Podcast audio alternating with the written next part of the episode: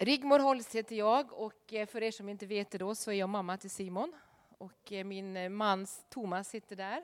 Han är pappa till Simon. Och inte visste jag det första gången jag var i Pingstkyrkan någon gång på sent 70-tal att en gång så skulle min son vara en av pastorerna här. Det kan man ju inte räkna ut, då var han ju inte ens född heller så det var ju lite svårt faktiskt. Men visst är det märkligt att se tillbaka hur Gud kan leda en i livet. Inte visste jag när jag växte upp en ö som heter Sula på västkusten i Norge, nära staden Ålesund. Vi, vi, vi växte upp väldigt kuperat, vi cyklade utan hjälm, vi, vi hade inga restriktioner, vi fiskade på bryggan utan flytväst. Det enda vi blev varnade för, det var pingstvänner. Det är sant, det var det, det var det, verkligen. Min farfar han sa det att det enda ni ska akta er noga för, det är pingstvänner. Sen så kommer det gå så bra i livet som helst. Tänk om han hade vetat, nu är han i sin himmel. Men jag ska också berätta för er att min farfar han försonades med pingstvänner innan han dog. När Thomas, jag mötte Thomas och Thomas friade till mig fick jag veta att hans pappa var pingstpastor. Och då tänkte jag det kommer att ta död på min farfar. Hur ska vi kunna gifta oss? Men det roliga var det att när Hjalmar, min svärfar, äntligen kom hem dagen innan vi skulle gifta oss hemma i Norge 79, då blev han och min min eh, farfar väldigt goda vänner. Och eh, det här är ju en gudfruktig församling, men jag, på den tiden var jag inte så inne med det här med vett och etikett, så jag ritade faktiskt två troll. Det kanske jag hade hittat på något annat idag, men på den tiden ritade jag två troll som höll varandra i svansen.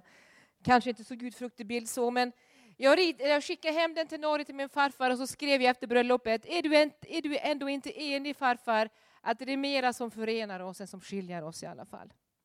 Och då var han enig i det att så var det nog. Men han, han, han fortsatte att vara i Norska kyrkan, men han, han, han insåg också så småningom att det är tron på Jesus som frälser oss och inte vilket samfund man tillhör. Men för säkerhets skull så gav han mig en bok som hette Frikyrkor och sekter. Så. Men visst är det lite märkligt hur Gud kan leda.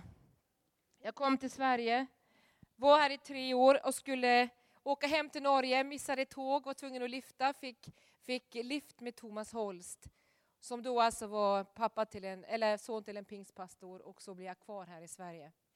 Och jag som blev vana för pingstvänner har jobbat jättemycket med svenska pingströrelsen och är en del av den idag. Och jag tycker det är lite Guds humor ändå. Idag så ska det handla lite om att få höra Guds röst eller också Guds eviga nu. Det är märkligt, för er som inte vet det så är jag respredikant kan man väl säga. Ibland kallar de mig för en riksevangelist. Jag ser mig själv, mer, mig själv mer som, som, en, som en berättare eller som en inspiratör. Jag vill berätta om Jesus, jag vill inspirera människor att ta tag i sin tro som jag vet är nedlagd i alla människor. Jag vet att det finns någonting i alla människors hjärtan som gör det kapabelt och möjligt för människor att komma i gemenskap med Gud. Därför att Bibeln säger det, att Gud la evigheten ned i människans hjärta. Och det är det jag vill inspirera människor till att ta tag i. Och därför är det väldigt svårt att få tyst på mig om jag får tala om det som jag tycker är viktigt. Och jag älskar att tala om, om Jesus. Jag älskar att få jobba med boken Bibeln. Jag är även, eh, i alla fall till och från, har varit ganska mycket, inte så mycket nu längre, av, av tidsbrist kanske, men jag har varit väldigt många år även bibellärare på olika bibelskolor i Sverige. Och det är så inspirerande att, att få vara med och, och föra unga människor på vissa kurser har vi även de som är äldre, för den äldsta eleven jag har haft, han var 87 år. Men liksom att få vara med och inspirera människor att liksom lära och känna boken Bibeln, lära och känna personen bak den och lära liksom att, att leva efter den, av den, i den. Den är så fantastisk bok. Vi kan inte leva som Guds folk utan att lära känna Bibeln. Det året jag var 15 år, då var jag med om ett, ett, ett allvarligt drunkningstillbud. Jag var faktiskt väldigt, väldigt nära att drunkna. Och det gjorde att jag hamnade på sjukhus och i en del av rehabiliteringen så fick jag även möta psykvården för att bearbeta många trauman. Eh, det gjorde att, att det ämnet jag ska tala om idag, det var inte alldeles självklart för mig. Jag ska nämligen tala om idag att få höra Guds röst. Därför att på psyket så mötte jag en kvinna som var där. Och hon var där därför att hon hörde röster som talade till henne. Och i hennes tillfälle var det absolut inte bra. Jag var 15 år, hade inte lärt känna Jesus, min mor och far var inte kristna på den tiden. Och jag hade ju ingenting att komma med, jag tyckte bara det var lite freaky att hon gjorde så. Och eh, så långt som jag förstod så kände hon inte Jesus heller. Det var det jag hade med mig, att höra röster. Så får jag själv möta Jesus, jag får uppleva det här äh, väldigt tydligt och klart i mitt liv. Att jag upplevde att Gud talade in i mitt liv. Och Det gjorde att jag blev lite skrajsen, för jag tänkte, tänk om jag blir som kvinnan som jag mötte på sjukhuset. Det kanske börjar bli lite överslag hos mig. Då var jag otroligt glad att jag hade en farmor som kunde faktiskt få bena ut och berätta för mig att Bibeln är full av detta, att du kan få höra Gud tala in i ditt liv. Och Det är lite av det här jag skulle vilja ta, med, ta det med in i den här, de här minuterna jag har här. Jag var med om en olycka här i somras. Britta Kajsa, Britt, Kajsa Britta heter hon. Nej, jo. Det var jätteför, det första. Britta-Kajsa. Ja. Och så Kajsa Stina Åkerström, hon är en favoritsångerska. Så det är svårt med namn, men nu lämnar vi det.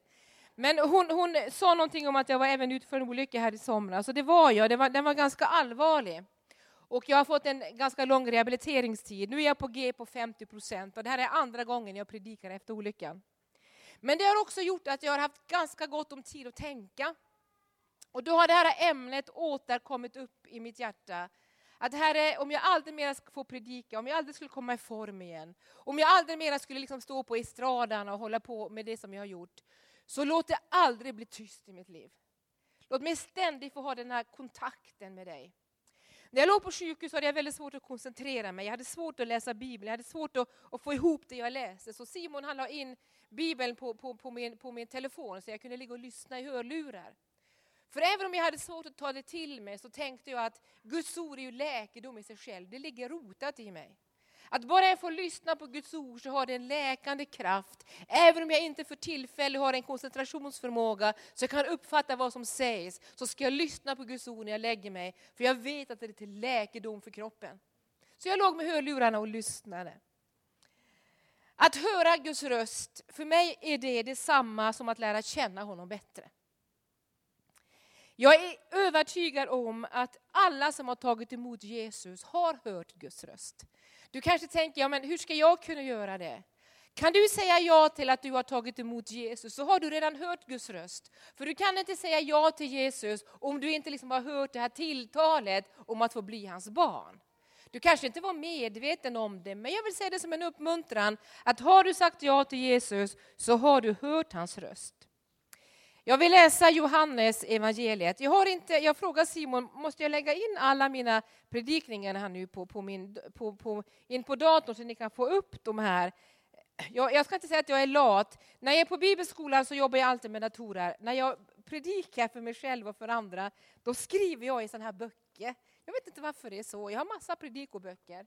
Så ni får inga bibelord idag av mig upp på det här, på det här eh, ja, duken här bak. Men tror ni att det går bra ändå? Vad bra då. Även ni yngre, går det bra? Fint. Johannes kapitel 8, alltså Johannes evangelium kapitel 8. Och så ska vi läsa ifrån vers 26. Så säger Jesus. Mycket har jag att säga om er och döma er för. Han som har sänt mig är trovärdig och det jag har hört av honom förkunnar jag för världen. Det jag har hört av honom, det förkunnar jag för världen. Och så går vi lite längre ner till mitten på vers 28, så säger han att ni ska förstå att jag är och att jag inte gör något av mig själv utan talar vad Fadern har lärt mig. Jesus hade hört Guds röst, han hade hört sin fader tala. Och han var väldigt mån om att undervisa sina lärjungar. Och det kan du läsa om i Johannes 17, att så som Fadern hade sänt honom så ska han sända sina lärjungar. Han lärde dem att be. Han lärde dem att umgås med Fadern i förtrolig bön. Han lärde dem inte att sjunga, han lärde dem inte att predika, han lärde dem inte en massa bra saker. Men han lärde dem att be. Och just bönen är själva kommunikationen mellan dig och Gud. Att höra Guds röst är en grundläggande rättighet som alla Guds barn har. Det är bara det att vi kanske inte förstår det och då kanske vi heller inte riktigt tränar oss i det. Och jag vill uppmuntra oss alla att gör inte Guds röst till någonting konstigt och invecklat. Det är faktiskt svårt, brukar jag säga, att inte höra Guds röst om du verkligen har fått blivit född på nytt och vill lyda honom som din Herre och Frälsare. I Ordspråksboken kapitel 16 och 9 så säger författaren att människan tänker ut sin väg, men Herren styr hennes steg. Och för mig har det blivit en väldig eh, förtröstan på Gud att som människa så tänker vi, du som ung tänker, vad ska jag bli, vem ska jag gifta mig med, vilken utbildning ska jag ha? Och du som är äldre tänker, hur ska det gå? Och du som är mamma och pappa tänker, hur ska det bli med mina barn? Hur ska det bli med, med ekonomin? Hur ska det bli? Det ligger lite rotat i oss detta, hur ska det bli? Vi måste tänka och vi måste planera. Och mitt i allt det här så kan vi lita till att Gud styr våra steg. Och du och jag har lagt våra liv i Guds händer, så måste vi lita på att vi lever så länge vi lever, att Gud ska styra våra steg och att han hjälper oss genom livet. Där vilar jag faktiskt ganska tryggt. Jag har ju jobbat väldigt många år även som grundskolelärare och det kanske bor en liten pedagog i mig. Så nu ska jag ge er tre steg som kan hjälpa dig och mig att förstå lite och hur det kan få vara att verkligen höra och ta tillvara på Guds röst. För det första så vill jag säga till oss alla att bestäm dig för att underordna dig honom som din Herre och Frälsare. Många vill ha en frälsare. Många vill ha en frälsare på sitt ishockeylag, på sitt fotbollslag, någon som kan få oss liksom att vinna. Men det är inte så inne att ha en Herre. Men Romarbrevet säger att Jesus Kristus ska vara både frälsare och Herre. Så vill du höra hans röst, bestäm dig för att han ska vara din röst. Underordna dig honom och lyd honom. Be att han ska hjälpa dig så att hans tankar och idéer blir det som formar dig. I andra Korintierbrevet kapitel 10, jag måste slå upp det också för det är ett fantastiskt ord.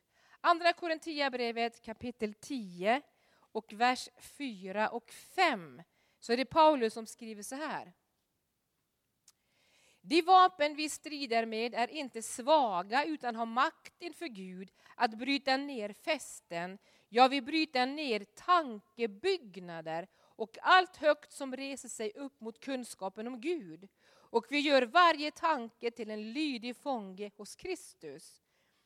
Eh, det är så viktigt det här med att kunde underordna sig och ta alla de här tankarna till fånga. Jag vet ju själv att du är säkert ganska lik mig, att det kan vara tusen tankar som snurrar. Har ni tänkt det? Eller, eller har ni upplevt det? Det kan vara svårt att fokusera ibland. Jag vet när jag ska väga och predika så måste jag ofta ta sådana här äh, viljebeslut att, att sluta tänka nu på allt det där oväsentliga och fokusera, tänk på detta. På Herren må ni tänka, står det i Bibeln. Hebreerbrevet, tänk på honom. Att kunna tänk, öva sig att koncentrera oss och tänka på honom. Att låta våra tankar och önskningar komma i fas med det som han vill ha sagt till oss. För det andra så ska vi stå emot fienden. I Jakobs brev kapitel 4 och 7 så säger Jakob att underordna dig Gud så ska djävulen fly från dig. Det är inte jag som ska fly från djävulen. Men på vilket sätt kan djävulen fly från mig? Genom att jag underordnar mig Gud. Jag väljer Guds ord framför mina egna känslor. Tänk vad många gånger det där, det där, har varit svårt. När man har stått där, man vill ge igen för gammal ost. Man, man, man, man, man vill liksom ta, ta eh, skeden i egna händer. Man, man, man vill liksom försvara sig. Om någon är dum mot dig så vill du liksom på något vis ge igen. Men Bibeln säger så här, stå emot fienden, underordna dig Gud och fienden ska fly från dig. Så, så när, när, jag liksom kan vila i detta, att Gud ska strida för mig, så får jag använda Jesu auktoritet. Och det är inte jag som ska fly med svansen mellan benen, det är fienden som ska göra det. Du kan läsa Efesierbrevet 6 och 10-20 om Guds vapenrustning. Gör det som en otroligt bra vana att iklä dig vapenrustningen varenda dag. Jag är specialist på att stå och fundera på vad ska jag ha på mig, är jag ensam? Hur många av er har bytt kläder idag innan ni kom till gudstjänsten? Ja, ni behöver inte, ja precis. Okay. Ja men alltså det ligger så i oss, nej jag trivs inte, jag tar på mig någonting annat. Men när det gäller det här med Guds ord behöver du aldrig tveka. Iklä dig vapenrustningen. Iklä dig hans frid och, rättfärdighet och glädje. Stå rustad att möta vardagen. För det tredje, när du ber, förvänta dig ett svar. Be inte och så bara gå därifrån och glöm vad du bad om. Jag ska ge ett mycket konkret, väldigt banalt vardagsexempel. På midsommar i år så var Thomas och jag, vi var uppe på Lögdö. Lögdö ligger norr om Sundsvall. Vi var där på Medelpads pingstkonferens. Eh, sån här midsommarkonferens. Vi hade med oss vår husvagn och någonstans där försvann hela min nyckelknippa. Vi har letat genom alla kläder, alla, alla väskor, allt i husvagnen, ut med sängkläder, allt. Inga nycklar, borta, borta, borta, borta. Och så för någon vecka sedan så sa jag så till Thomas att det är så besvärligt att ha bara en bilnyckel. Vi kanske borde fixa en bilnyckel till. Så vi, skulle vi nu mista den här enda bilnyckeln vi har så sitter vi där utan bilnycklar. Husnycklar och sånt, vi borde kopiera upp det. Och så tyckte jag allt blev så jobbigt, börja kopiera nycklar. Och så sitter jag i fredags förra veckan och läser i Hebreerbrevet kapitel 11 och vers 6 där det står så här. Den som vill behaga Gud måste tro att han finns till och att han lönar dem som söker honom. Där blir jag så påminn om mina nycklar. Eller förra torsdagen var det. Så jag går ner på knä och jag ber Gud, du som vet var mina nycklar är. Kan du tala till mig? Är de förlorade för evigt? Ligger de i någon älv uppe i Medelpad? Då förstår jag att det är ingen lönt att söka efter dem. Då, då ska jag kopiera dem. Men Herre, finns de, finns de någonstans? Alltså, då måste du på något vis visa mig, ge mig frid hur vi ska göra. Banalt kanske säger du. Du kanske hade gått och kopierat dem på en gång, vad vet jag. Men jag bara kände att Gud, nu får du en ärlig chans. Jag vill behaga dig. Nu tror jag att du belönar mig när jag söker dig. Dagen innan hade jag och Thomas städat vår husvagn inför vintern. Och framme vid gasolen, där framme ni vet, där låg det ett par arbetshandskar som det hade blivit fuktiga, blöta, de hade möglat. Och så säger jag till Thomas, jag öppnade soptunnan och så säger jag till Thomas, jag slänger dem, de är så äckliga.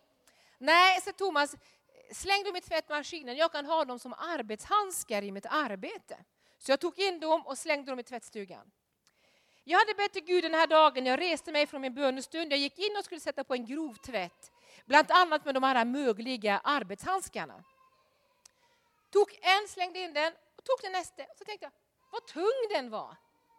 Så jag tog ut den igen från maskinen och tittade i en gammal möglig arbetshandske. Vet du vad som låg där inne? Kan ni gissa? Ja, min nyckelknippa. Hur den har hamnat där? Ingen aning. Vet inte. De var jätterostiga. Jag fram med stålull och de blev blanka som silver. Och de är en påminnelse om att Gud belönar oss när vi söker honom och tror att han lönar oss när vi gör det. Förvänta dig ett svar, alltså vänta på att han ska svara. Förvänta dig att han ska svara dig. Så vill jag också påminna oss om en, låt oss kalla det för en fjärde sak.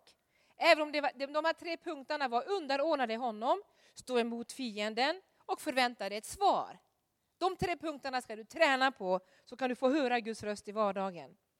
Men jag skulle också vilja säga till oss att tillåt Gud att tala till dig på det sättet som han vill. Direktera inte hur han ska göra. Jo, men du måste komma genom prästens stilla susning. Du måste tala då eh, på det här och det här sättet.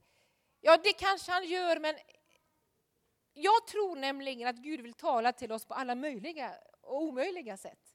Jag tror att Gud talar till oss hela tiden. Men vi kanske inte riktigt uppfattar det. Mellan våra barn är det sju år, mellan den yngsta och äldsta. Simon är yngst, så har han en syster som är fyra år äldre än honom och så har han ytterligare en syster som är sju år äldre än honom. När våra barn växte upp så kommunicerade vi med alla våra barn. Men när Simon var tre år och hans stora syster var, var, var sju år äldre, vad blir hon då? Då blir hon tio. Just det, jag är bra i matte. Eh, då säger det sig själv att man talar inte till samma sätt till en treåring som till en tioåring, eller hur? Man talar inte på samma sätt till, till, till, en, till en nioåring som till en trettioåring. Men vi talar. Även till våra nyfödda bebisar så talar vi. Och du, du, du, du, så gullig, du är så lik pappa. Så. Alltså, det är klart att vi talar till våra barn. Alltså Gud talar till oss på olika sätt, men bara för att han inte talar till dig som till dig, så talar han utifrån dina förutsättningar att kunna lyssna och uppfatta vem han är. Försök inte diktera för honom, var bara noga med att lyssna. Var överlåten, för det finns ett väldigt samband med att överlåta sig till Gud för varje ny dag man får och så höra hans röst. Han kan välja att tala till dig på olika sätt. För det första, jag tror att alla som har gått i söndagsskolan har någon gång fått psalm 119, vers 105. Vad står det där? Utan overhead. Vad står det i psalm 119, vers 105?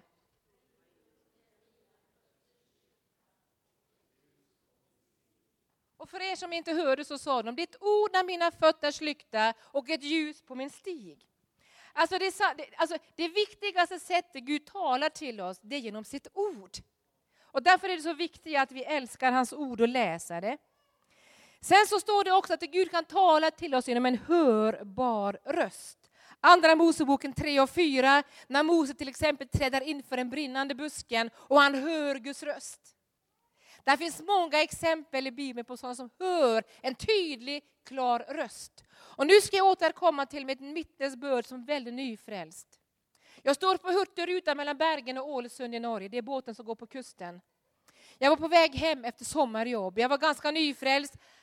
Hade en tro på Gud men hade levt rullande i Bergen och på Stord. Eh, ja, det, det, är så skamligt när man tänker på det, men å andra sidan sett så är Gud nådefull, så därför så vill jag vara ärlig och dela med mig till dig som lever sånt där liv som är lite så halvsegrande. Jag hade haltat på båda sidor. Jag var ute och festade när jag kunde det. Och så var jag lite, så ångrade jag mig och så var jag på bönehuset nästa dag för att få uppleva lite av, av friden igen. Och så, så åker jag hem och känner mig väldigt misslyckad. Hade läst ett år teologi, skulle, hade sökt mig till sjuksköterskolan och jag kände mig väldigt, väldigt, väldigt misslyckad. Och så står jag där på Hurtigruta uppe vid Rälingen och tittar ut över denna gudomliga augustinatt, den 20 augusti 1974, en fullmåne.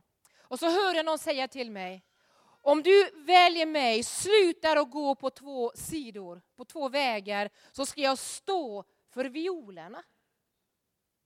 Alltså så ska jag stå för kostnaden för ditt liv. Och jag vänder mig om och frågar, vem är det som pratar med mig? Jag, jag, jag, jag höjer rösten och frågar, vem, vem pratar med mig? Ingen var där. Och två gånger till hör jag exakt samma sak. Om du väljer mig att sluta gå på två sidor så ska jag ta hand om ditt liv. Och, till, och så hör jag mig lite chockad liksom, fråga rakt ut i augustinatten. Gud, är det du? Och det var där jag trodde en liten stund att jag kanske hade börjat tappa förståndet. Men jag förstår att Gud talar. Jag har hört det några gånger till. En väldigt tydlig, väldigt klar röst. Jag har förstått att det är Gud som talar. Det är inte så ofta jag hör det. Mera är det den här nästa punkten jag har. Den här vanligaste sättet som jag tror Gud talar på. Det är den här lågmälda, du vet, inre rösten, den här maningen som Jesaja talar om i Jesaja 30 och 21. Att om du går på vägen, om du går till höger eller vänster, så ska en röst lyda bak dig. Här är vägen, vandra på den. Jag tror att det är det vanligaste sättet Gud talar till oss på. Den här stilla maningen. Och jag tror också att, att vi, vi, inte ska gå runt liksom och bli, bli, bli maniska och, och liksom nästan bli lite överandliga. Det handlar inte om det. Det handlar om att lita på att när du går in i din lögnkammare, läser en bibel, är tillsammans med Gud i bön, i tillbedjan och lovprisning för dig själv, så kan du lita på att Gud leder dig där du går bedjande fram. Så är det. Han kan även tala genom drömmar och syner. Du kan läsa både Uppenbarelseboken kapitel 1, du kan läsa Jesaja kapitel 6 när Jesaja fick sin kallelse. När han såg en syn, han fick Gud uppenbarad för sig. Som denna stora, mäktige Guden som frågar, vem ska jag sända, vem vill gå? Och profeten svarade, här är jag, sänd mig. Jag ska börja och landa här, det är så mycket jag skulle vilja undervisa om. Det är så fascinerande att få, få, se vad Bibeln säger om det här att få höra hans röst. Men nyckelfrågan är alltid, lyder du det Gud säger till dig? Ibland så känner vi att Gud blir tyst. Ibland medger han för sitt folk att han till och med gömmer sig. Men när Gud blir tyst i våra liv, vad beror det på? Kan det vara att vi inte lydde det vi sist såg? Det vi senast såg? Att vi kanske nonchalerade, för det här är också en träningssak, att vi vågar att gå på hans tilltal. Och jag vill uppmuntra oss alla att se till att du själv får vägledning från Gud genom hans ord. Jag möter vänner och bekanta, de åker från den ena konferensen till den andra och det är inget fel på det. Felet blir om det blir liksom det som styr dem. Åh, oh, har du ett tilltal till mig? Finns det en profetia? Kan du säga någonting till mig? Det är inte fel, men låt aldrig en profetia leda dig.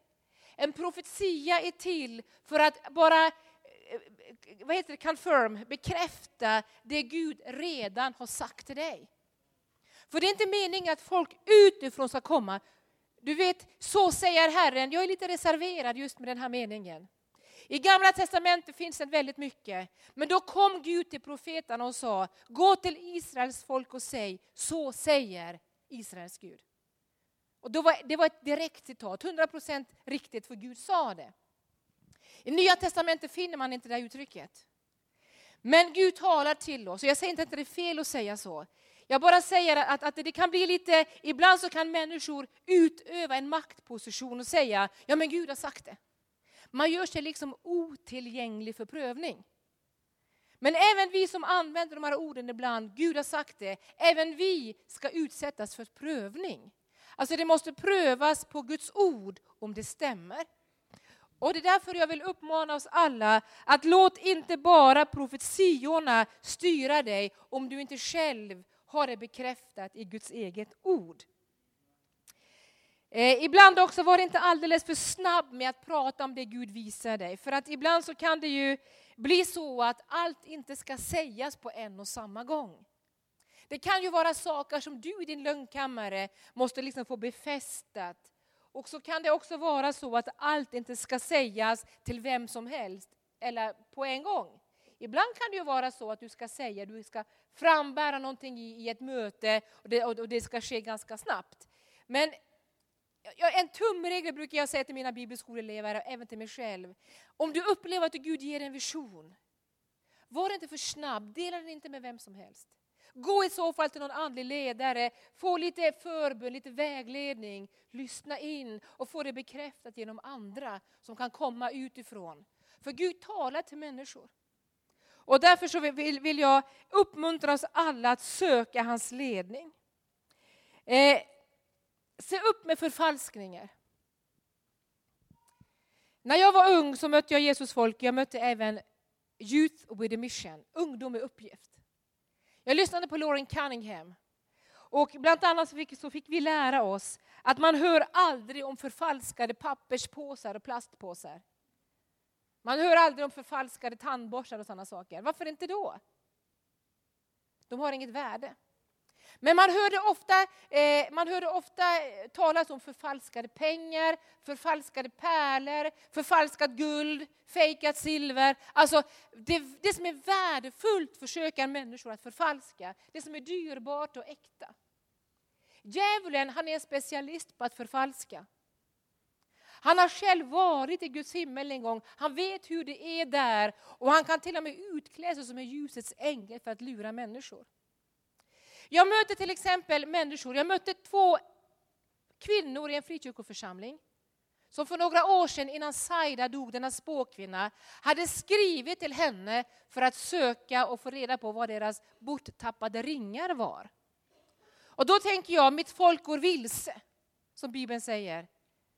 Alltså vi går vilse i den här äh, informationsdjungeln. Där finns en falsk information idag. Många söker sig in i new age, de söker sig in i spådom, i okultism, i astrologi. Det är en falsk källa. Och jag vill bara säga till oss, det är inte på det sättet Gud talar.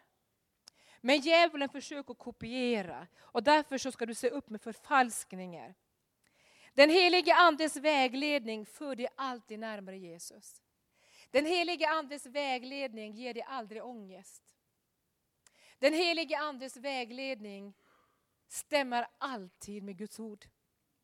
Den går aldrig bredvid ordet. Det är därför det är så viktigt att du vet vad Guds ord säger. Den som inte vet vad Guds ord säger, står i Ordsordsboken, han ger svar på tal utan att veta. Och det ska räkna honom som oförnuft och skam.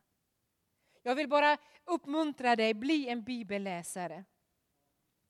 Om någon kommer till dig, om det är en profetia eller, eller en rådgivning, då måste du själv ställa dig frågan, följer denna vägledningen Bibelns principer? Stämmer det med Guds ord?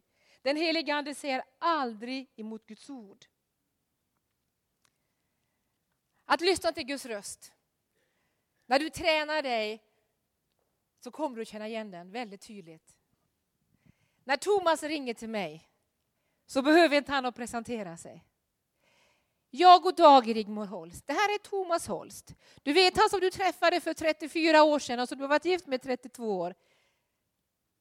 Om han skulle börja så, så skulle jag tro han drev med mig, eller hur? Han behöver egentligen bara andas i telefonluren. Jag vet att det är han. Varför då? För jag känner hans röst. Jag har umgått så mycket med honom så han skulle ha otroligt svårt att lura mig. Gud vill ha ett förtroligt umgänge med dig. Och till slut så måste jag bara berätta en söt historia om min man, han sitter ju här. Han måste få vara med jag hade kommit hem en gång, vi bodde på Trunnagården, vi var inne hyste på en sån här konferensgård. Jag var, jag, jag var bara hemma och mellanlandade, jag fick tvätta snabbt, jag skulle stryka iväg igen. Han låg och såg på sporten framför tvn, det var ganska sent på kvällen. Jag stod i köket och så ropade han, kan du inte ta med dig strykbrädan och komma hit in? Så sa jag, men när du ser på sporten så jag, vill du i alla fall inte prata med mig. Nej, säger han, det är sant, men jag vill men jag vill, säger han, att du ska vara där jag är. Visst var det lite gulligt? Och det är så Gud vill. Han vill att du ska vara där han är. Han vill vara med dig. Han vill, han vill ha en förtrolig gemenskap med dig. Träna det så blir det mycket, mycket enklare. Det viktigaste skälet att vi ska höra Guds röst, det är att vi ska fördjupa förhållanden mellan honom och oss.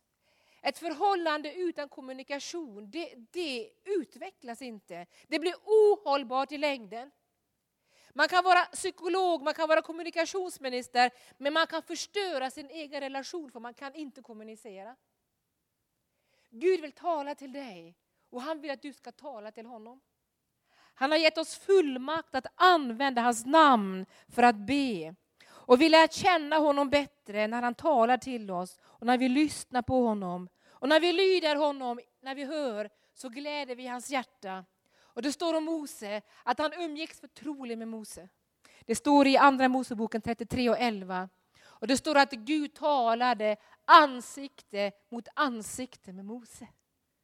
Det är där jag vill leva, det är där jag önskar att få vara. Och i Matteus 7 och vers 24 27 så säger Jesus att det saliga är den som hör mina ord och gör efter dem. Han är likt en man som bygger sitt hus på Hälleberget. När stormarna kom så stod huset. Och nu ska jag till slut citera Lauren Cunningham ordagrant och sen säga amen. Lauren Cunningham som startade Ungdom i uppgift. Han säger så här, Guds ledning är inte en lek, det är allvar. Och vi lär oss vad Gud vill att vår arbetsuppgift ska vara och hur han vill att vi ska utföra den. Guds vilja är att vi ska göra och säga rätt saker på rätt plats, till rätt människor, vid rätt tidpunkt, i rätt ordningsföljd, under rätt ledarskap, med rätta metoder och med rätt inställning i hjärtat. Hängde ni med? Guds vilja är att vi ska göra och säga rätt saker på rätt plats, till rätt människor, vid rätt tidpunkt, i rätt ordningsföljd, under rätt ledarskap, med rätta metoder och med rätt inställning i hjärtat. Nu ska jag be att Lollo och eh, Dan kommer fram. Vi ska alldeles snart fira nattvard och då ska vi också gå in i förbön och träna oss på att lyssna vad Gud säger. Och då vill jag bara uppmuntra oss alla. Sök hans gemenskap. Sök hans tillrättavisning. Sök hans rådgivning. Herre, nu ber vi om att helga ditt ord i sanning för att ditt ord är sant. I Jesu namn. Amen.